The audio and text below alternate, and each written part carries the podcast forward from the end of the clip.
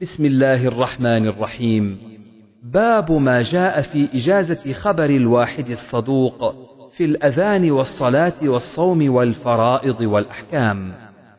قول الله تعالى فلولا نفر من كل فرقة منهم طائفة ليتفقهوا في الدين ولينذروا قومهم إذا رجعوا إليهم لعلهم يحذرون ويسمى الرجل طائفة لقوله تعالى وإن طائفتان من المؤمنين اقتتلوا فلو اقتتل رجلان دخل في معنى الآية. وقوله تعالى إن جاءكم فاسق بنبأ فتبينوا. وكيف بعث النبي صلى الله عليه وسلم أمراءه واحدا بعد واحد؟ فإن سهى أحد منهم رد إلى السنة. حدثنا محمد بن المثنى حدثنا عبد الوهاب حدثنا أيوب عن أبي قلابة حدثنا مالك قال أتينا النبي صلى الله عليه وسلم ونحن شببة متقاربون فأقمنا عنده عشرين ليلة وكان رسول الله صلى الله عليه وسلم رفيقا فلما ظن أنا قد اشتهينا أهلنا أو قد اشتقنا سألنا عمن تركنا بعدنا فأخبرناه قال ارجعوا إلى أهليكم فأقيموا فيهم وعلموهم ومروهم وذكر أشياء أحفظها أو لا أحفظها وصلوا كما رأيتموني أصلي فإذا حضرت الصلاة فليؤذن لكم أحدكم وليؤمكم أكبركم. حدثنا مسدد عن يحيى عن التيمي عن أبي عثمان عن ابن مسعود قال قال رسول الله صلى الله عليه وسلم لا يمنعن أحدكم أذان بلال من سحوره فإنه يؤذن أو قال ينادي ليرجع قائمكم وينبه نائمكم. وليس الفجر أن يقول هكذا وجمع يحيى كفيه حتى يقول هكذا ومد يحيى إصبعيه السبابتين. حدثنا موسى بن إسماعيل حدثنا عبد العزيز بن مسلم حدثنا عبد الله بن دينار سمعت عبد الله بن عمر رضي الله عنهما عن النبي صلى الله عليه وسلم قال إن بلالا ينادي بليل فكلوا واشربوا حتى ينادي ابن أم مكتوم. حدثنا حفص بن عمر حدثنا شعبة عن الحكم عن إبراهيم عن علقمة عن عبد الله قال صلى بنا النبي صلى الله عليه وسلم الظهر خمسا فقيل أزيد في الصلاة قال وما ذاك؟ قالوا صليت خمسا فسجد سجدتين بعدما سلم. حدثنا إسماعيل حدثني مالك عن أيوب عن محمد عن أبي هريرة أن رسول الله صلى الله عليه وسلم انصرف من اثنتين فقال له ذو اليدين أقصرت الصلاة يا رسول الله أم نسيت؟ فقال أصدق ذو اليدين؟ فقال الناس نعم.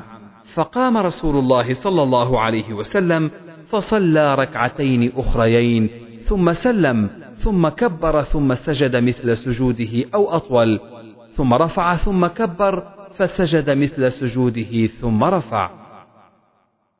حدثنا إسماعيل حدثني مالك عن عبد الله بن دينار.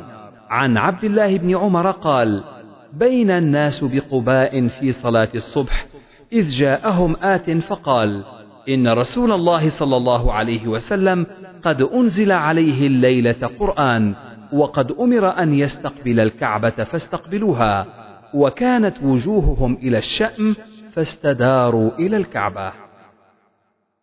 حدثنا يحيى حدثنا وكيع عن إسرائيل عن أبي إسحاق عن البراء قال لما قدم رسول الله صلى الله عليه وسلم المدينة صلى نحو بيت المقدس ستة عشر أو سبعة عشر شهرا.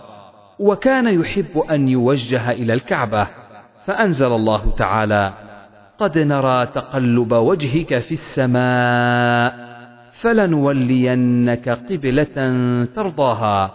فوجه نحو الكعبة وصلى معه رجل العصر ثم خرج فمر على قوم من الأنصار فقال هو يشهد أنه صلى مع النبي صلى الله عليه وسلم وأنه قد وجه إلى الكعبة فانحرفوا وهم ركوع في صلاة العصر. حدثني يحيى بن قزعة حدثني مالك عن إسحاق بن عبد الله بن أبي طلحة عن أنس بن مالك رضي الله عنه قال كنت أسقي أبا طلحة الأنصاري وأبا عبيدة بن الجراح وأبي بن كعب شرابا من فضيخ وهو تمر. فجاءهم آت فقال إن الخمر قد حرمت. فقال أبو طلحة يا أنس قم إلى هذه الجرار فاكسرها.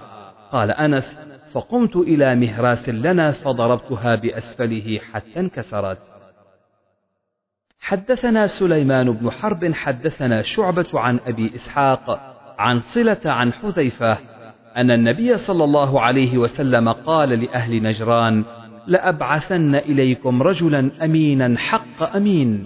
فاستشرف لها أصحاب النبي صلى الله عليه وسلم فبعث أبا عبيدة. حدثنا سليمان بن حرب حدثنا شعبة عن خالد عن أبي قلابة عن أنس رضي الله عنه قال النبي صلى الله عليه وسلم لكل أمة أمين وأمين هذه الأمة أبو عبيدة. حدثنا سليمان بن حرب حدثنا حماد بن زيد عن يحيى بن سعيد عن عبيد بن حنين عن ابن عباس عن عمر رضي الله عنهم قال وكان رجل من الأنصار إذا غاب عن رسول الله صلى الله عليه وسلم وشهدته أتيته بما يكون من رسول الله صلى الله عليه وسلم. وإذا غبت عن رسول الله صلى الله عليه وسلم وشهد أتاني بما يكون من رسول الله صلى الله عليه وسلم. حدثنا محمد بن بشار حدثنا غندر حدثنا شعبة عن زبيد عن سعد بن عبيدة عن أبي عبد الرحمن عن علي رضي الله عنه أن النبي صلى الله عليه وسلم بعث جيشا وأمر عليهم رجلا. فأوقد نارا وقال ادخلوها فأرادوا أن يدخلوها وقال آخرون إنما فررنا منها. فذكروا للنبي صلى الله عليه وسلم فقال للذين أرادوا أن يدخلوها لو دخلوها لم يزالوا فيها إلى يوم القيامة. وقال للآخرين لا طاعة في معصية إنما الطاعة في المعروف. حدثنا زهير بن حرب حدثنا يعقوب بن إبراهيم حدثنا أبي عن صالح عن ابن شهاب أن عبيد الله بن عبد الله أخبره أن أبا هريرة وزيد بن خالد أخبراه أن رجلين اختصما إلى النبي صلى الله عليه وسلم. وحدثنا أبو اليمان أخبرنا شعيب عن الزهري أخبرني عبيد الله بن عبد الله بن عتبة بن مسعود أن أبا هريرة قال بينما نحن عند رسول الله صلى الله عليه وسلم إذ قام رجل من الأعراب فقال يا رسول الله اقض لي بكتاب الله. فقام خصمه فقال صدق يا رسول الله اقض له بكتاب الله وأذن لي. فقال له النبي صلى الله عليه وسلم قل. فقال إن ابني كان عسيفا على هذا والعسيف الأجير. فزنى بامرأته. فأخبروني أن على ابن الرجم فافتديت منه بمئة من الغنم ووليدة. ثم سألت أهل العلم فأخبروني أن على امرأته الرجم وأن ما على ابني جلد مئة وتغريب عام. فقال والذي نفسي بيده لأقضين بينكما بكتاب الله.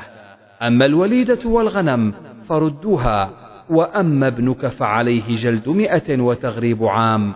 وأما أنت يا أنيس لرجل من أسلم. فاغد على امرأة هذا فإن اعترفت فرجمها فغدا عليها أنيس فاعترفت فرجمها.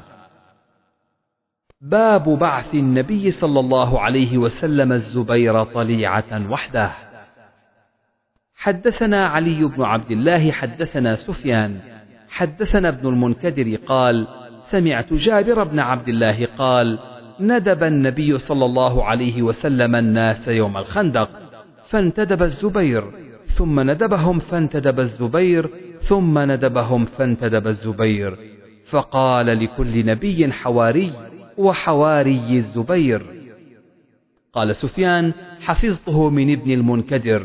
وقال له أيوب يا أبا بكر حدثهم عن جابر فإن القوم يعجبهم أن تحدثهم عن جابر. فقال في ذلك المجلس سمعت جابرا فتابع بين أحاديث سمعت جابرا قلت لسفيان فإن الثوري يقول يوم قريضة فقال كذا حفظته كما أنك جالس يوم الخندق. قال سفيان هو يوم واحد وتبسم سفيان. باب قول الله تعالى لا تدخلوا بيوت النبي إلا أن يؤذن لكم فإذا أذن له واحد جاز. حدثنا سليمان بن حرب حدثنا حماد عن أيوب عن أبي عثمان عن أبي موسى أن النبي صلى الله عليه وسلم دخل حائطا وأمرني بحفظ الباب. فجاء رجل يستأذن فقال ائذن له وبشره بالجنة. فإذا أبو بكر ثم جاء عمر فقال ائذن له وبشره بالجنة. ثم جاء عثمان فقال ائذن له وبشره بالجنة. حدثنا عبد العزيز بن عبد الله حدثنا سليمان بن بلال عن يحيى عن عبيد بن حنين سمع ابن عباس عن عمر رضي الله عنهم قال جئت فإذا رسول الله صلى الله عليه وسلم في مشربة له وغلام لرسول الله صلى الله عليه وسلم أسود على رأس الدرجة فقلت قل هذا عمر بن الخطاب فأذن لي. باب ما كان يبعث النبي صلى الله عليه وسلم من الأمراء والرسل واحدا بعد واحد. وقال ابن عباس بعث النبي صلى الله عليه وسلم دحية الكلبي بكتابه إلى عظيم بصرى أن يدفعه إلى قيصر. حدثنا يحيى بن بكير حدثني الليث عن يونس عن ابن شهاب أنه قال أخبرني عبيد الله بن عبد الله بن عتبة أن عبد الله بن عباس أخبره أن رسول الله صلى الله عليه وسلم بعث بكتابه إلى كسرى فأمره أن يدفعه إلى عظيم البحرين يدفعه عظيم البحرين إلى كسرى. فلما قرأه كسرى مزقه فحسبت أن ابن المسيب قال فدعا عليهم رسول الله صلى الله عليه وسلم أن يمزقوا كل ممزق. حدثنا مسدد حدثنا يحيى عن يزيد بن أبي عبيد حدثنا سلمة بن الأكوع أن رسول الله صلى الله عليه وسلم قال لرجل من أسلم أذن في قومك أو في الناس يوم عاشوراء أن من أكل فليتم بقية يومه ومن لم يكن أكل فليصم. باب وصاة النبي صلى الله عليه وسلم وفود العرب أن يبلغوا من وراءهم. قاله مالك بن الحويرث. حدثنا علي بن الجعد أخبرنا شعبة وحدثني إسحاق أخبرنا النضر أخبرنا شعبة عن أبي جمرة قال كان ابن عباس يقعدني على سريره فقال إن وفد عبد القيس لما أتوا رسول الله صلى الله عليه وسلم قال من الوفد؟ قالوا ربيعة. قال مرحبا بالوفد والقوم غير خزايا ولا نداما. قالوا يا رسول الله إن بيننا وبينك كفار مضر فمرنا بأمر ندخل به الجنة ونخبر به من وراءنا. فسألوا عن الأشربة فنهاهم عن أربع وأمرهم بأربع. أمرهم بالإيمان بالله. قال هل تدرون ما الإيمان بالله؟ قالوا الله ورسوله أعلم. قال شهادة أن لا إله إلا الله وحده لا شريك له. وأن محمدا رسول الله وإقام الصلاة وإيتاء الزكاة وأظن فيه صيام رمضان وتؤتوا من المغانم الخمس ونهانا عن الدباء والحنتم والمزفة والنقير. وربما قال المقير قال احفظوهن وأبلغوهن من وراءكم. باب خبر المرأة الواحدة. حدثنا محمد بن الوليد حدثنا محمد بن جعفر حدثنا شعبة عن توبة العنبري قال قال للشعبي أرأيت حديث الحسن عن النبي صلى الله عليه وسلم وقاعدت ابن عمر قريبا من سنتين أو سنة ونصف فلم أسمعه يحدث عن النبي صلى الله عليه وسلم غير هذا. قال كان ناس من أصحاب النبي صلى الله عليه وسلم فيهم سعد. فذهبوا يأكلون من لحم. فنادتهم امرأة من بعض أزواج النبي صلى الله عليه وسلم إنه لحم ضب فأمسكوا. فقال رسول الله صلى الله عليه وسلم كلوا أو اطعموا فإنه حلال أو قال لا بأس به شك فيه ولكنه ليس من طعامي.